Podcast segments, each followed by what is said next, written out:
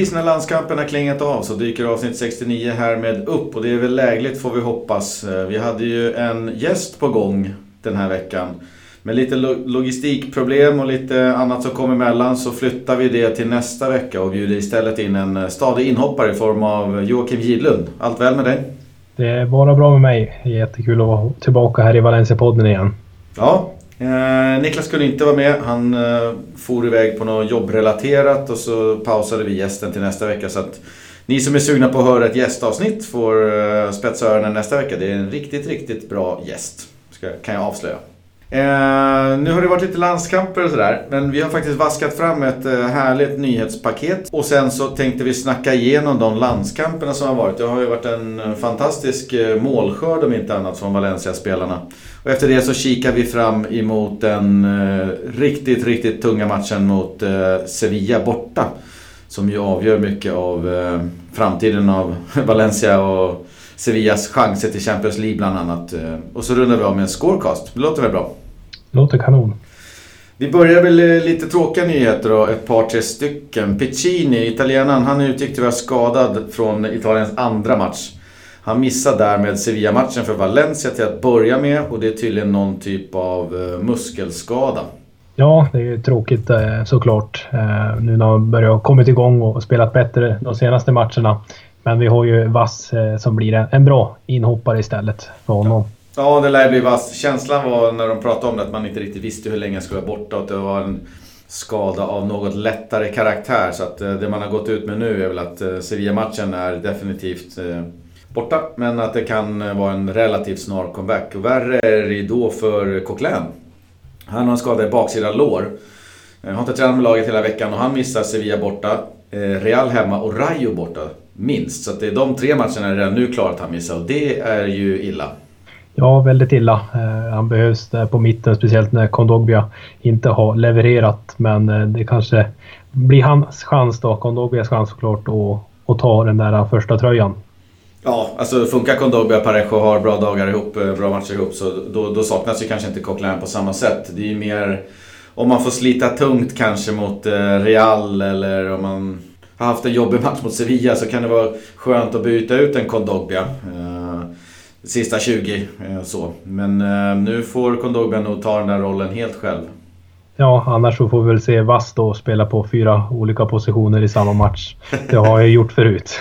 inte helt omöjligt. Sen så ska vi väl sticka emellan med också att det är ju inte super tätt med matchandet här nu i början utan det är ju...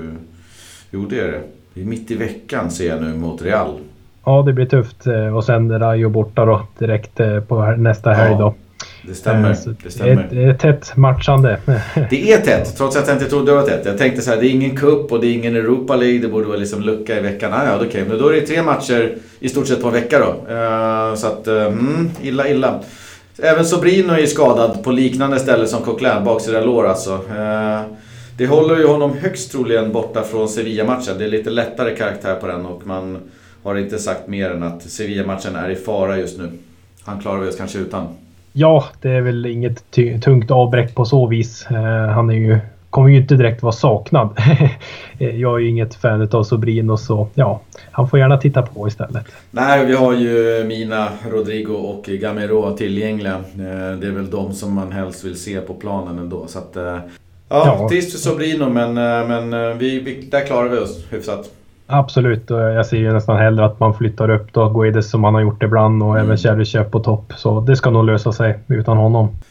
Exakt. Uh, sen hade vi ju lite nyheter, eller nyheter väl inte, men Jason Morillo. I fallet Jason Morillo så står det väl nu nästan till klart att Barcelona inte kommer att utnyttja utköpsklausulen på 25 miljoner euro. Den kändes ju hög när han gick till Barcelona. Man hade lite svårt att förstå varför han varför eh, Barcelona ville ha och så vidare. Och ingenting, inga av de frågetecknen har väl rätats ut egentligen. Morillo har inte matchats alls i Barcelona egentligen. Jag tror att han har två kopparmatcher och, och något inhopp eller liknande. Eh, och detta trots att eh, Umtiti och lite andra mittbackar har varit skadade tid till annan. Och trots att Barcelona, även precis som Valencia då, deltar i tre tävlingar.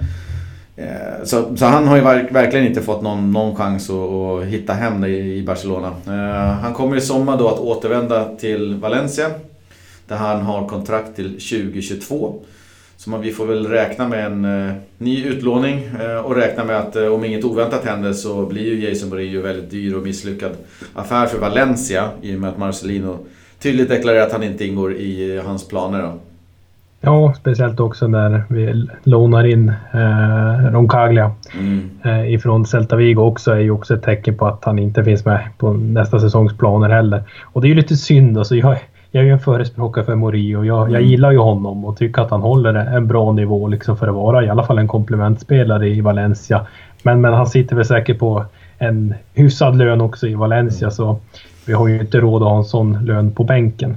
Nej, och, och, vi har pratat om det lite tidigare Niklas och jag. Att man, man, vi ser ju hur han pre presterar på planen. Han gör ju inte sämre direkt än någon annan av de eh, fyra mittbackarna eller tre mittbackarna som det var förra året. Då. Men att eh, han ändå liksom har varit eh, fullständigt nerpetad i frysboxen. Så vi, vi har ju spekulerat i att eh, det måste vara någonting annat än det man ser på planen som har skurit sig med Marcelino. Ja, det är väldigt förvånande, verkligen. Eh, men som sagt, eh, nog om spelare. nog om spelare. Ja, precis. Eh, det har ju hänt lite grejer på affärssidan också. Mm.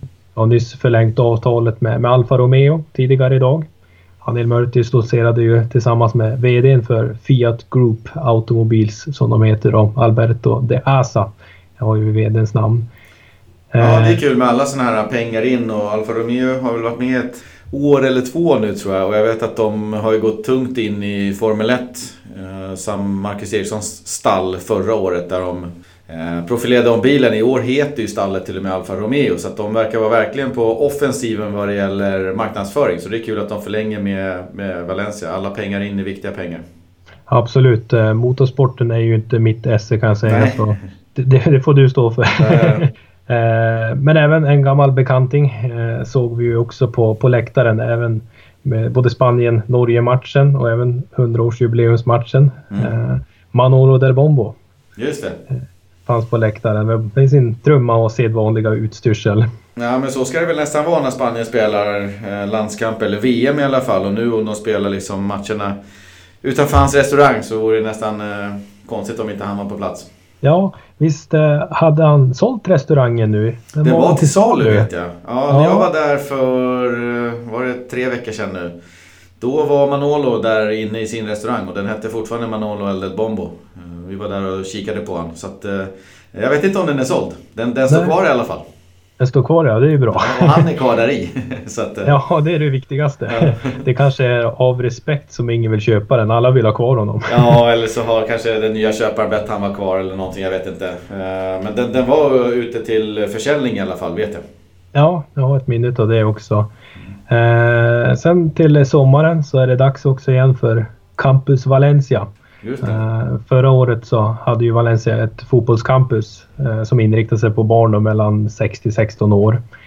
Uh, och det är ju ett sätt för Valencia att söka efter talanger och vänta sig få in många ansökningar från andra länder också än bara Spanien. USA, Ukraina, Thailand, Ryssland, Venezuela för att nämna några. och det här campuset kommer hållas då mellan 30 juni till 13 juli. Mm med 200 deltagare i varje omgång. Eh, så det, det väntas ju bli väldigt spännande att se om man kan vaska fram en ny Kangeli kanske. Ja, verkligen. Eh, han var väl med i någon, sån här, eh, någon typ av sån här liknande, jag vet inte om det var Valencia som höll det, men jakten på den nya Leo Messi. Jag tror att den hölls i Asien och då fick man fram honom. Så att, det här är ju bara bra. Det är jättekul för många ungdomar att få med. Jag vet inte hur pass elit eller akademiinriktad den här är. Men, men någon typ av spets måste det finnas. Eh, för att vaska fram någonting till Valencia då. Så att, eh, ja, det väl kul. Kul att eh, så många ungdomar får träna och, och, och ha, ha lite träningsläger med Valencia. Ja, jätteroligt. Eh, sen händer det lite saker på transfersidan också. Mm. Eh, Napoli ska enligt Calcio Mercato eh, och några andra källor visa intresse för Diakaby. Just det. Eh, han ses ju som en ersättare till Koulibaly som väntas lämna i sommar då för en större klubb och det kommer han nog göra också. Mm. Han har ju ryckt både till Manchester City, Juventus och Bayern München och alla de stora drakarna. Mm. Eh, och Diakabys agent Jacques Crusell med lite en parentes på uttalet där. Ja, man vet aldrig. Jacques Crusell. Någonting. Ja, Le Crusell. Ja. Eh, men han kastade in mer ved i brasan kan man säga när han intervjuades av Calcio Napoli eh, 24 då, radiokanalen. Mm. Eh, då uttryckte han ju också att han skulle älska att se honom i de ljusblå. Ja, det får vi se vad som, vad som händer med det. Diakabi är väl relativt ny in i Valencia som vi får se som en stor eller större klubb än han kom ifrån. Eh, och stor, större, bättre liga. Så att han är säkert nöjd på många sätt. Han har ju ganska mycket speltid och så, eh, trots allt. Men eh, mm, vi får väl se om det finns något bakom det där. Jag vet inte om Diakabi själv känner att han måste flytta på sig. Jag tror att konkurrensen just idag är hårdare i ett lag som Napoli än vad den är just nu då i Valencia. Mm, men man förstår ju också att Napoli letar efter mittbackar just mm. med Koulibaly som kommer gå i sommar. Albiol blir inte yngre. Eh, så de har ju ändå behovet av en mittback, men vi återstår att se om det blir Diakaby eller inte. Nej, exakt. Och ekonomin är ju helt annorlunda i, i Napoli. De har sålt uh, Higuain för en massa, massa pengar och uh, säljer väl Koulibaly nu för, jag vet inte, vågar inte ens gissa siffrorna men det är väl kanske närmare en miljard eller åtminstone över 500 miljoner och Valencia har inte sålt någon spelare för de siffrorna eh, någonsin och sådär så att eh, mm, mer pengar finns ju där men jag tror att han eh, gör nog kanske klokt i att stanna i, för sin egen utveckling då i Valencia. Ja det borde han, absolut. Eh, sen jobbar vi också för att eh, förnya Santeminas kontrakt. Eh, nog för att vi ska sälja spelare måste vi även behålla spelare. Mm. Och Santemina som ja, men kom till Valencia 2015 och börjar ju bli en av spelarna som var här längst också. Mm. Hans kontrakt går ut då 2021, sommaren. Så vi får se helt enkelt. Det lär nog dyka upp någonting på Valencias sida här framöver. Känns också som ett ganska säkert kort att förlänga med Santemina. Han är eh, omtyckt av fansen, han levererar på ett bra sätt. Eh, en viktig spelare i Marcelinos lag. Eh, det är inte alltid att han är liksom anfallare nummer ett eller två, eh, det vill säga en startspelare. Men, men han eh, är ju alltid en inhoppare, som minst. Så, så bra förlängning, se till att förlänga den då har man försäljningen i egna händer istället för att han ska... Han har sex års kontrakt så det är väl två år kvar va? Ja, exakt. Så att, eh, förlänger man med Santi så har man liksom försäljningen i sina egna händer i alla fall. Istället för att han ska börja känna att oj, oj, oj, jag har bara ett år kvar och det är inte förlängt. Vad händer nu? Och så letar han sig bort då. Jag behåller ja. jättegärna Santi Mina. Ja, jag också. Det är nästan svårt när man tänker efter att han är faktiskt bara 23 år gammal. Han har ju verkligen den framtiden för sig och kan ju fortsätta att utvecklas och bli ännu bättre. Ja, det var ju en sån här supertalang när han kom från Celta Vigo där och det var inte alls populärt att Valencia signade upp och norpade honom från Galicien. Exakt. Men det var väl eh, nyhetspaketet där. Vi kan väl börja kolla på de senaste matcherna och det är ju landskamperna direkt efter gingen. Då hade vi senaste matcherna och det blir ju lite grann eh, landskamperna då. då. Eh, vi börjar väl med Spanien där Rodrigo, Gaia och Parejo huserade. Första matchen hade man ju mot Norge och där fick Parejo och Rodrigo starta. Med Rodrigo som målskytt och Parejo med en eh, kanoninsats. Otroligt kul! Ja, väldigt roligt. Eh, vem är Xavi? tänkte man ju. Mm. ja, kanske inte riktigt då. Men han gjorde en fantastiskt eh, bra match.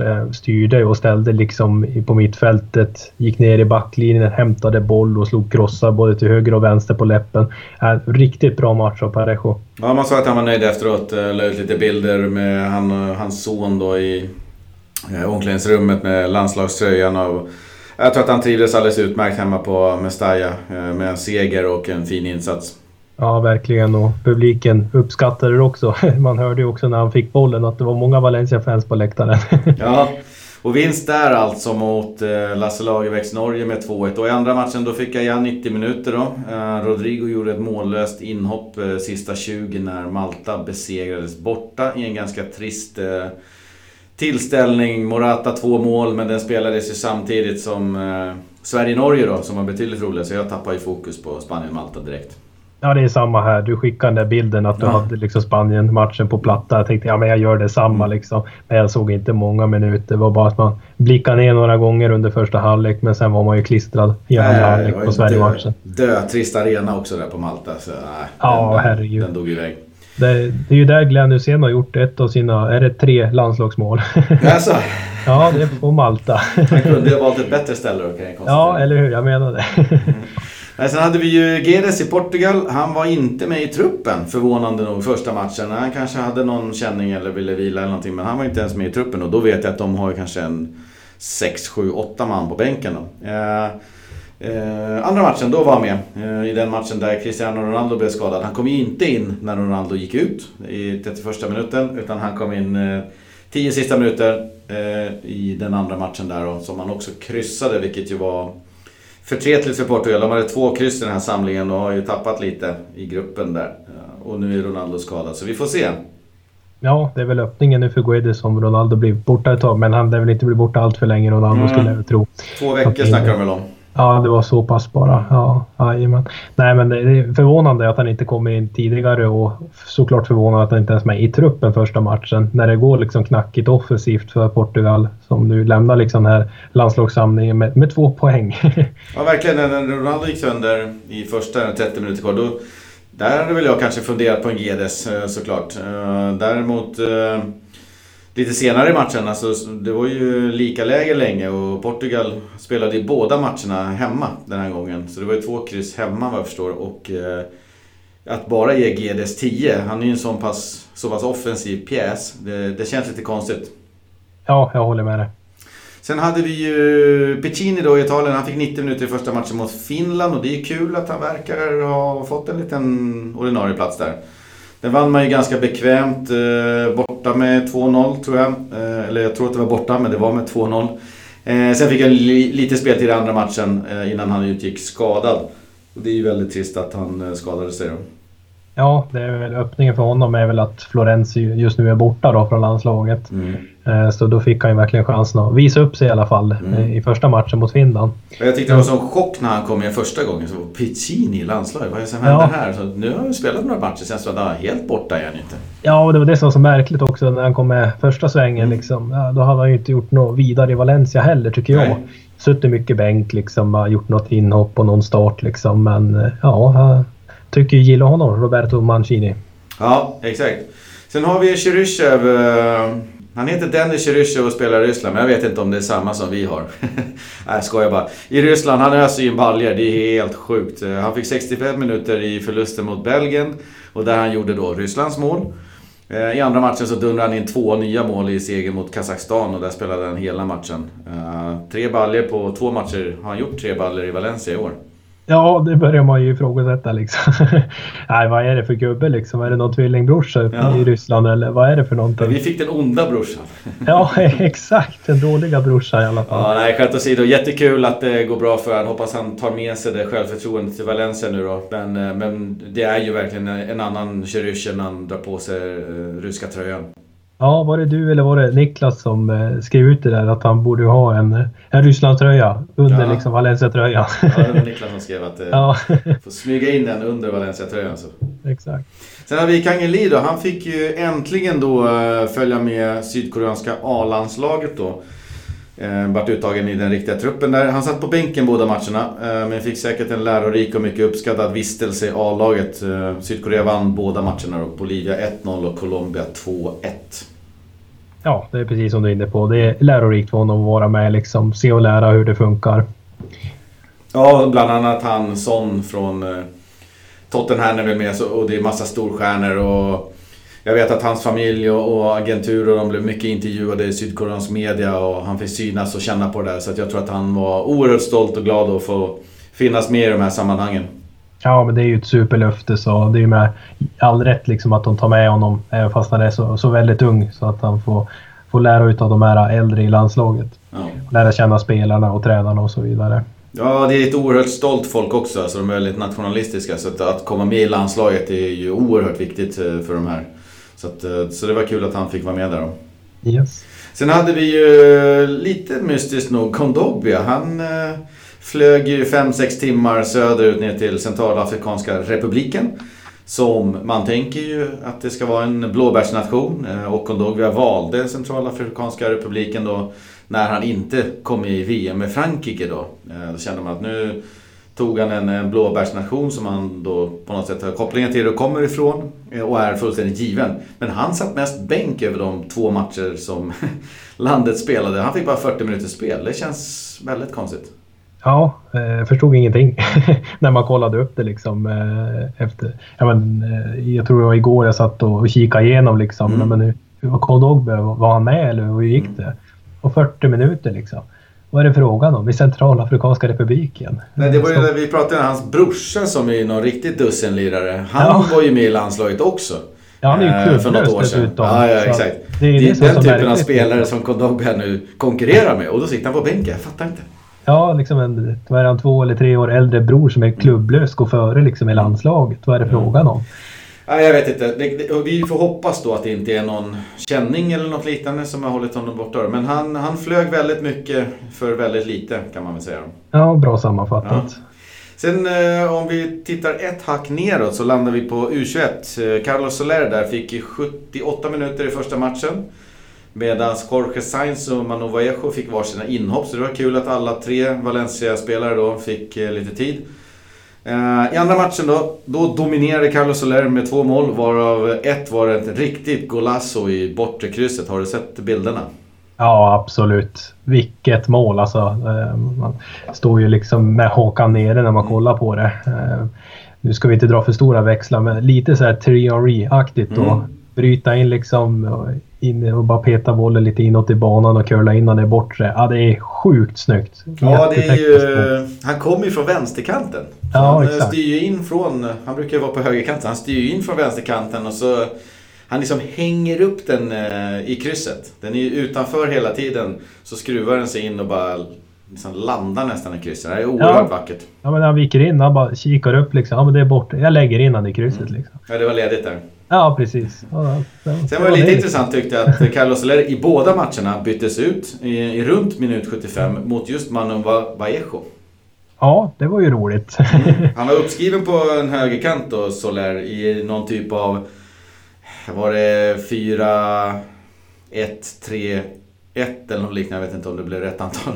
Men det var tre stycken då mittfältare och så var det någon defensiv. Så han var på högerkanten i alla fall och Manu kom in på på Carlos Solés plats då, båda gångerna.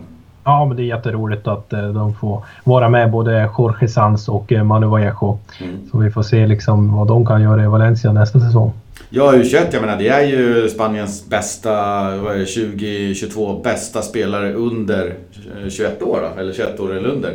Och där har ju Valencia både Carlos Herrera som är ju fullständigt given, men också de här två nya, Jorge Sainz och Manu Vallejo. Så att, jag menar, förhoppningsvis, om menar, de har en utvecklingskurva så, så blir det, är det riktigt bra värvningar för billiga pengar. Ja, sen är jag ett fan av också ha spanska unga lirare liksom. Mm. Så att eh, det blir roligt. Och där tänkte jag mig att det kanske var slut på... Vi kan inte ta några hack längre, men det gör vi. Vi kollar U19 också. Ferran Torres, två baljer i segermatchen mot Wales. Riktigt kul. Han, det känns ju fullständigt given och självklar i U19. Och sen hade vi Jordi Escobar, fick 72 minuter för Spaniens U17. Så det har varit mycket spanjorer, eh, valencianska spelare ute på landslagsäventyr. Ja, ja men det är jätteroligt med de här unga spelarna så vi fortsätter, fortsätter att producera unga talanger som slår sig in i de här eh, U-landslagen och Ferran Torres som är ju nästan så gott som en startspelare i Valencia idag. Liksom har ju petat Soler senare tid på mm. högerkanten. Så det, det, är klart att han ska vara given U19-lag. ja, och undrar hur många andra spelare i den truppen är ordinarie i ett eh, topp 6-lag i La Liga. Ja, jag menar det. men får hyfsat mycket speltid i alla fall. Ja, han står nog högt i rang i den truppen. Eh, sen hade vi väl en match kvar. Partido de Leyendas som spelades eh, dagen efter Spanien-Norge på Mestalla. Och då var det ju, man firade 100-årsjubileet. Man tog dit en herrans massa legendarer från eh, Valencia och man tog dit lite legendarer från Spanien. Och så var Claudio Ranieri var väl tränare för Valencia tror jag. Och, ja, helt rätt. Fullt hus, lapp på luckan och härlig stämning vad det verkar. Ja, vilken fantastisk inramning. Jag, jag försökte ju streama det hela från Valencias app då. Försökte kosta det till TVn men mm. det, det, hackade. Det var nog väldigt många som ville se det så det hackade väldigt mycket. Så matchen i sig, ja den har jag inte sett eh, allt för många minuter och det ska jag vara ärlig och eh, erkänna. Mm. Men vilka legender! Alltså Voro, Carboni, Canesares, Mista och min favorit Vicente mm. ja, med flera. Oj, oj, oj. Man eh, vart ju tårögd. ja, jag såg också att det var en hel del fyrverkerier. Det var stående ovationer och, och man hedrade, det var verkligen Mycket känslor i den matchen. Jag såg ju stora ovationer för Canizares och Piojo Lopez bland annat. Så att, uh, riktigt fint. Ja, fantastiskt vackert att se och alla fyrverkerier och inramningen, publiken, allt liksom. Det var väldigt, väldigt vackert. Eh, det finns ju någon bild där ute också på sociala medier som jag har sett när Albelda eh, håller i sin son. Mm, liksom, ute, ute på eh, gräset och på Mestalla och blickar upp liksom mot publiken och inramningen. Ah, det, man får rysningar. Verkligen. Uh, Valencias mål gjorde ju, ju dock inte kanske av en av de allra, allra största legendarerna. Marco Di Vaio. Uh, han stänkte dit Valencias enda mål. Spanien vann ju då med 3-1. Ja, men Marco Vaio är ju alltid rolig. ja, ja. ja. Man kanske känner igen mest från andra sammanhang. Han har ju bara 35 matcher eller någonting liknande i Valencia. Ja, sen har han väl gjort lite ett och annat utanför plan om jag minns rätt. Han mm. har väl mer hår än hjärna. ja, så kan det vara. ja. Eh, och då har han inte så mycket hår heller va? Nej, det är just det jag syftar på. jag tänkte, hur vart det här nu då? Just det, ja. Ibland så är det lite trögt här uppe i min eh, skalle. Eh, sen var lite trist var det att eh, en av de största då kunde inte vara med. Det var Gaiska Mendieta. Han eh, hade andra åtaganden för något typ av eh, event, jippo, marknadsföringsbolag i Kina. Som han säger sig då vara bunden till via kontrakt. Så han brassade iväg till Kina och spelade någon till synes meningslös match där istället för att komma till eh, Partido de Leyendas i Valencia. Det gjordes ju då lite försök att lösa detta utan resultat.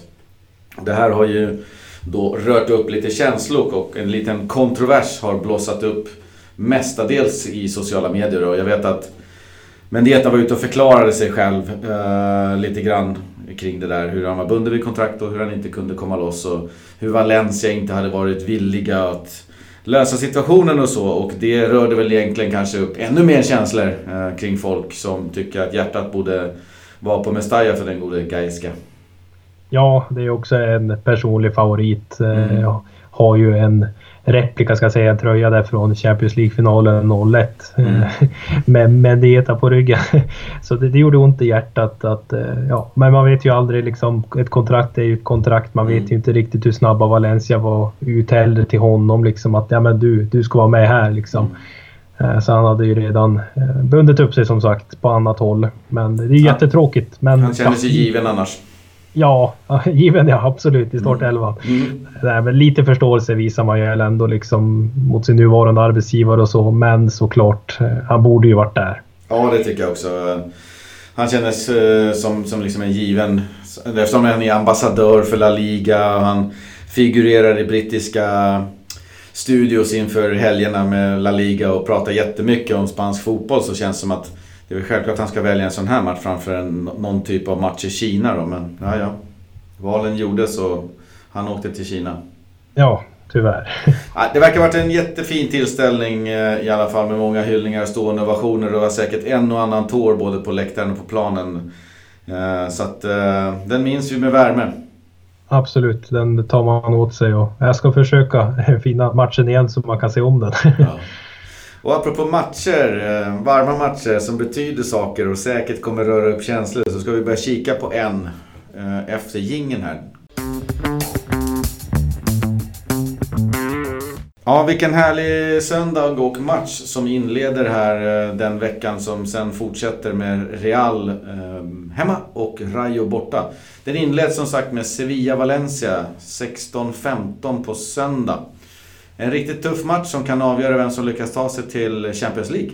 Ja, verkligen. Eh, det är otroligt viktiga poäng vi har framför oss här med det täta spelschemat. Och mm. Sevilla är ju ett lag vi verkligen måste plocka ner så att säga eh, i tabellen och gå om dem. Med, en seger här så, vi återkommer lite senare, så då ser det ju ljusare ut. Ja, verkligen. Jag tycker att uh, tar man det andra då, om man släpper tre poängen här, då är nästa match Real. Uh, med Zinedine Zidane tillbaks. Eh, känns alltid tufft att kräva segrar mot Real. Visst, de är överkomliga i år och sådär men eh, en vinst mot Sevilla, vind i seglen, eh, den långa förlustfria sviten intakt. Då känns det betydligt bättre. Så att jag skulle säga att en vinst, vinst är ett, nästan ett måste för att, för att fortsätta ha chansen mot Champions League-platserna. Såklart, ett kryss och Getafe förlorar. Det är klart chansen finns. Till och med vid förlust och Getafe-vinst så finns ju chansen. Jag menar matematiskt, det är 10 matcher kvar, 9 efter det här. Så det är klart ingenting är kört, men, men det ser ju mörkt ut. Ja, absolut. Eh, och lite som du är inne på att ja, men Getafe då, ja men de går ju som tåget. Mm. De, eh, vi kommer återkomma det senare också, men möter ju Leganes som sagt i, mm. deras omgång då. Och mm. de lär väl städa utav dem, det tror jag säkert. Så ja. en seger, det, det känns ju som ett måste nästan. Verkligen. Ja, vad ser du i spåkulan? Jag ser väl en... Eh, jag, skulle, jag skulle faktiskt säga att jag ser en vinst i spåkulan. Jag tycker inte att Sevilla har sett sådär eh, superduper vassa ut. De har ju ett antal eh, matcher här nu på slutet där de kanske har rättat upp formen hyfsat. Det är ju vinst mot Espanyol borta. Eh, och sen så hade de ju en vinst mot eh, Sociedad hemma Det är de två senaste ligamatcherna. Innan dess så var det lite tufft, mycket matchande i, i Europa League där de ju åkte mot eh, Prag. Och sen så hade de ju förluster mot eh, eh Barcelona och eh, Huesca innan dess. Så att, eh, det har ju gått lite tungt eh, för dem eh, med nu två segrar på slutet. Jag känner att det är klart överkomligt, lite turbulent i laget. Eh, sådär. Vad jag ser i spåkulan, jag ser tre poäng. Ja, det låter bra rätt. Nej, men de, har ju, de har ju ett spännande lag ändå, Sevilla. Mm. Med Ben Yedder på topp liksom vet du ju aldrig vad du får. Han kan ju göra tre baljer om han mm. har en bra dag. Och en på nytt född Jesus Navas numera nästan som högerback i de flesta matcherna. Eh, kommer ju flygande längs högerkanten så vi får se till att hålla tätt bakåt och göra mål framåt som sagt. Verkligen, och, och kollar man lite på skadefronten så har vi varit igenom där att uh, vi har ju Sobrino, Coquelin och Piccini som uh, inte kommer att vara med. Vi har en Kodobia som har rest ganska långt men måste nog vara med i och med att Coquelin inte är med. Eh, för att inte prata om Kangeli då, som ansluter först på fredag om jag förstått det hela rätt. Sen vet jag att idag torsdag så fick Gaia och Ferran träningsledigt för att eh, Gaia hade 90 senast här nu mot Malta och samma med Ferran då spelar ganska sent. Eh, de kommer däremot vara med i matchen. Eh, kollar vi på eh, Sevilla så är det Sarabi, Sarabia, Escudero, eh, Vaclik eh, och Nolito. De väntas missa matchen på grund av skada medan eh, Juan Soriano är avstängd och den här Vaclik, det är ju deras första keeper va? Ja, precis. Han har ju tagit första vantarna där i målet. Och det, kan ju, det är ju positivt för Valencia att det mm. kommer in någon som inte är så varm i kläderna. Mm. Sen kan man ju nämna att den här Juan eh, Soriano som är avstängd, det är ju deras andra målis.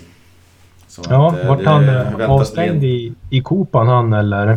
Ja, jag ser att han står upplistad som avstängd. Jag har inte riktigt sett varför men det är en 21-årig colombian, Garcia, som i sådana fall då kanske får ställa sig mellan stolparna. Och det är ju klart fördelaktigt antar jag för Valencia om första och andra målisen är borta.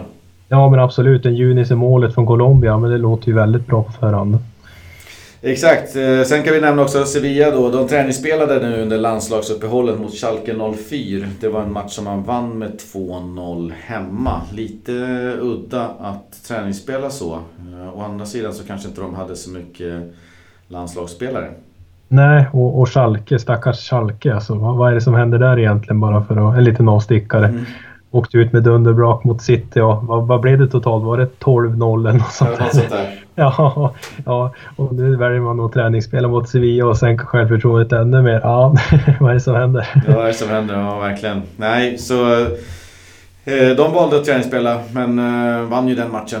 Eh, den spelades då... Ja, det var nog torsdags.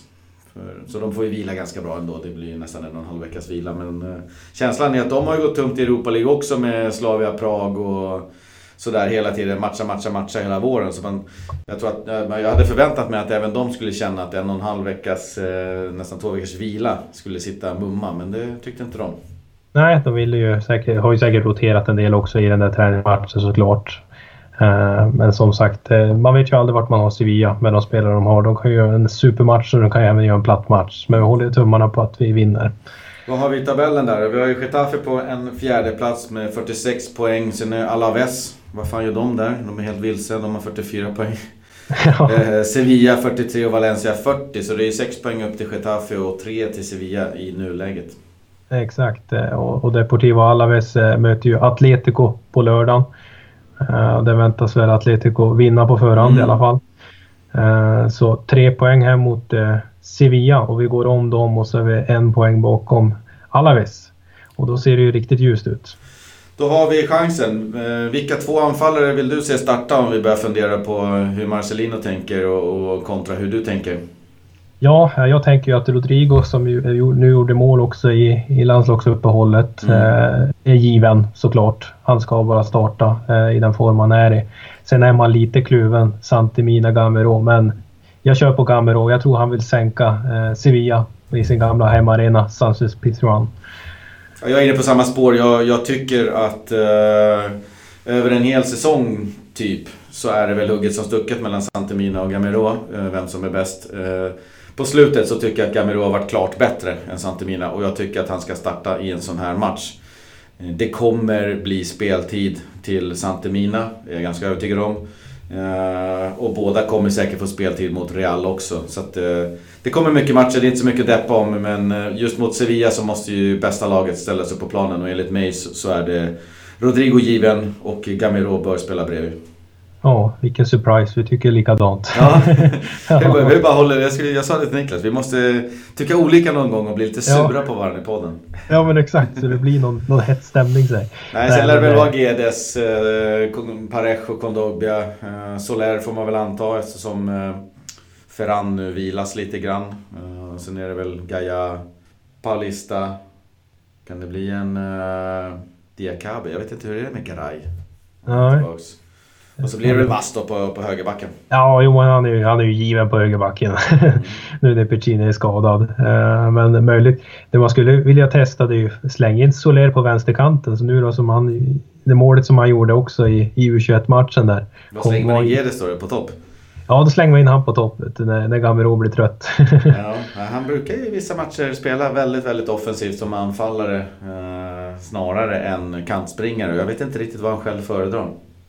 Nej, jag tror säkert han hellre utgår från en kant och, och bryter in. Det är ju det som är hans grej så att säga. Göra sin gubbe, bryta in och gå på ett avslut eller göra ett inlägg. Så han gör sig bäst på vänsterkanten. Ja, och har vi en, en GDS i form så har ju han en historik mot eh, Sevilla som heter duga. Jag såg ju den 4-0 matchen på Mestalla när han fullständigt lekte sönder eh, Andalusierna. Så att vi får hoppas att han eh, kan stänka dit någon balja igen och han har ju varit i riktigt bra form. Kunde inte visa någonting på de tio som han kom in för Portugal och jag såg, såg det inhoppet. Han eh, snabb, frejdig, eh, hade några avslut som blockades och sådär men 10 minuter för lite för att egentligen visa någonting. Han hade chans på att göra mål men det blev inget. Så att formen såg god ut och jag hoppas att han är riktigt, riktigt spelsugen nu på, på söndag.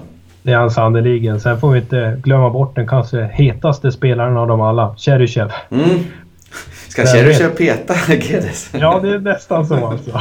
Om vi ska nej, jag tror att han får... landslagsuppehållet så är det ju så. Men nej, nej i, i Marcelinos bok så går Guedes före. Så är det ju. Ja, det tror jag. Det är inte bara hans bok. Eh, men, men Cheryshev har spelat två eh, matcher också så att eh, det kan nog tala för Gedes. Ja då, men ett, ett inhopp på en 20 minuter, en kvart kanske, så hinner ju stänka dit två baljer. Mm. Ska vi börja fundera på en eh, scorecast här då? Vi har ju fått in lite tips från eh, Niklas. Han tror på en eh, Valencia-seger med 2-1 och han tror att Rodrigo är den som inleder målskyttet. Och vad tror du? Ja, jag tror på en eh, 3-2-seger ja, med Guedes som målskytt. Eh, vi bollade ju nyss upp kanske att vi skulle peta honom för Cherchev, men det vill jag såklart inte. Guedes startar och Guedes gör första målet. Jag går eh, med er vad det gäller resultatet. Jag tror 0-1, det vill säga en uddamålsseger till Valencia och jag tror Gamero petar in den. Han, han står redo med en tå två meter från mållinjen och bara rakar in den. Ja, det som är så härligt att det, det kvittar för mig vem som får rätt alltså. Den här gången? Någon, någon får rätt så är jag jättenöjd. Ja.